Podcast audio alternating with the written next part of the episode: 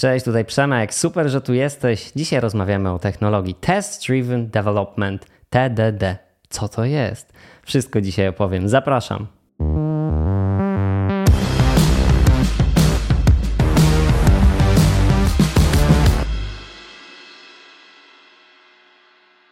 Test Driven Development, TDD, to metodologia powstawania oprogramowania. Opiera się ona na koncepcie iteracyjności, czyli mamy tutaj takie mikro, krótkie cykle rozwoju, które opierają się na tym, że zanim jeszcze powstanie właściwa funkcja, najpierw powstaje przypadek testowy, który później ma tę funkcję sprawdzić.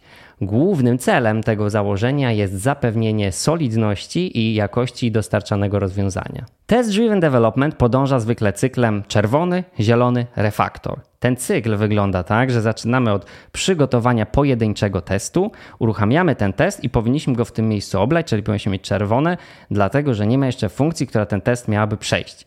Następnie piszemy dokładnie taką ilość kodu, taki kod, aby ten test pojedynczy przejść. Uruchamiamy test, jeśli mamy zielone, sprawdzamy co jeszcze mamy do uzupełnienia. Następuje refaktoryzacja kodu tak, aby nadal te wszystkie testy były zielone i powtarzamy cały proces. To jest taki jeden cykl i jedna iteracja. A dlaczego tak ważne jest, aby ten pierwszy test został oblany, abyśmy mieli tutaj czerwone?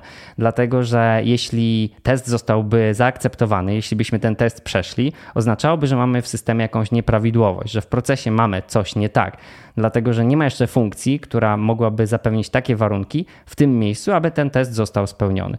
Jeśli on jest oblany, znaczy, że został dobrze przygotowany. Ten proces może się wydawać powolny, dlatego że przy każdym kawałku kodu, przy każdej jednej funkcji, funkcjonalności, którą chcemy w systemie wdrożyć, musimy za każdym razem przejść taki cykl. Jednak patrząc tak statystycznie na cały proces powstawania pełnego oprogramowania, od lewej do prawej całego systemu, statystycznie przyjmuje się, że jednak ten proces zapewnia większą szybkość, dlatego że w takich krytycznych momentach, gdzie tam, gdzie zwykle nie mielibyśmy stuprocentowego pokrycia testami, tutaj taka możliwość jest oczywiście, jeżeli jest taka decyzja też biznesowa, no to ta skuteczność dostarczania kodu jest jednak większa. Jakie są korzyści płynące z tej metodologii? Jest ich cała masa zaczynając właśnie od jakości kodu, co też przekłada się na to, że kod powstaje niejako bardziej modułowo.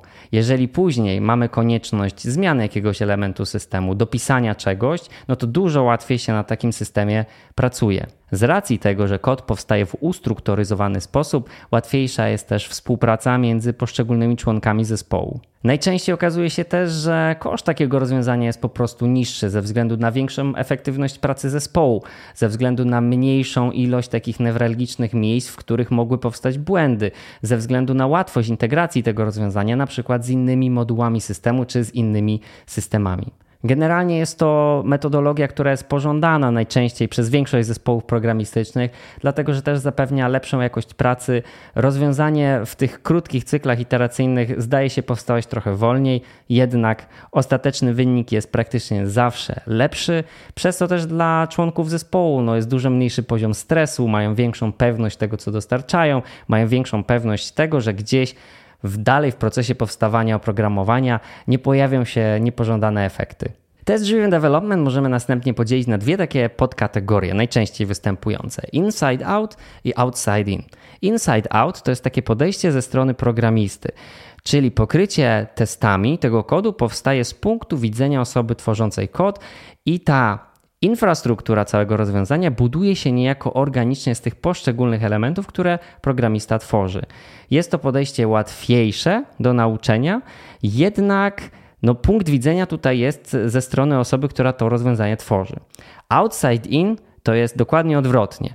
Czyli tutaj zaczynamy od tej warstwy logicznej, biznesowej, od tych czynników zewnętrznych, od naszego użytkownika. Czyli my patrzymy na to, co użytkownik może zrobić z tym elementem systemu, i z tego miejsca piszemy testy i dalej testujemy nasze rozwiązanie.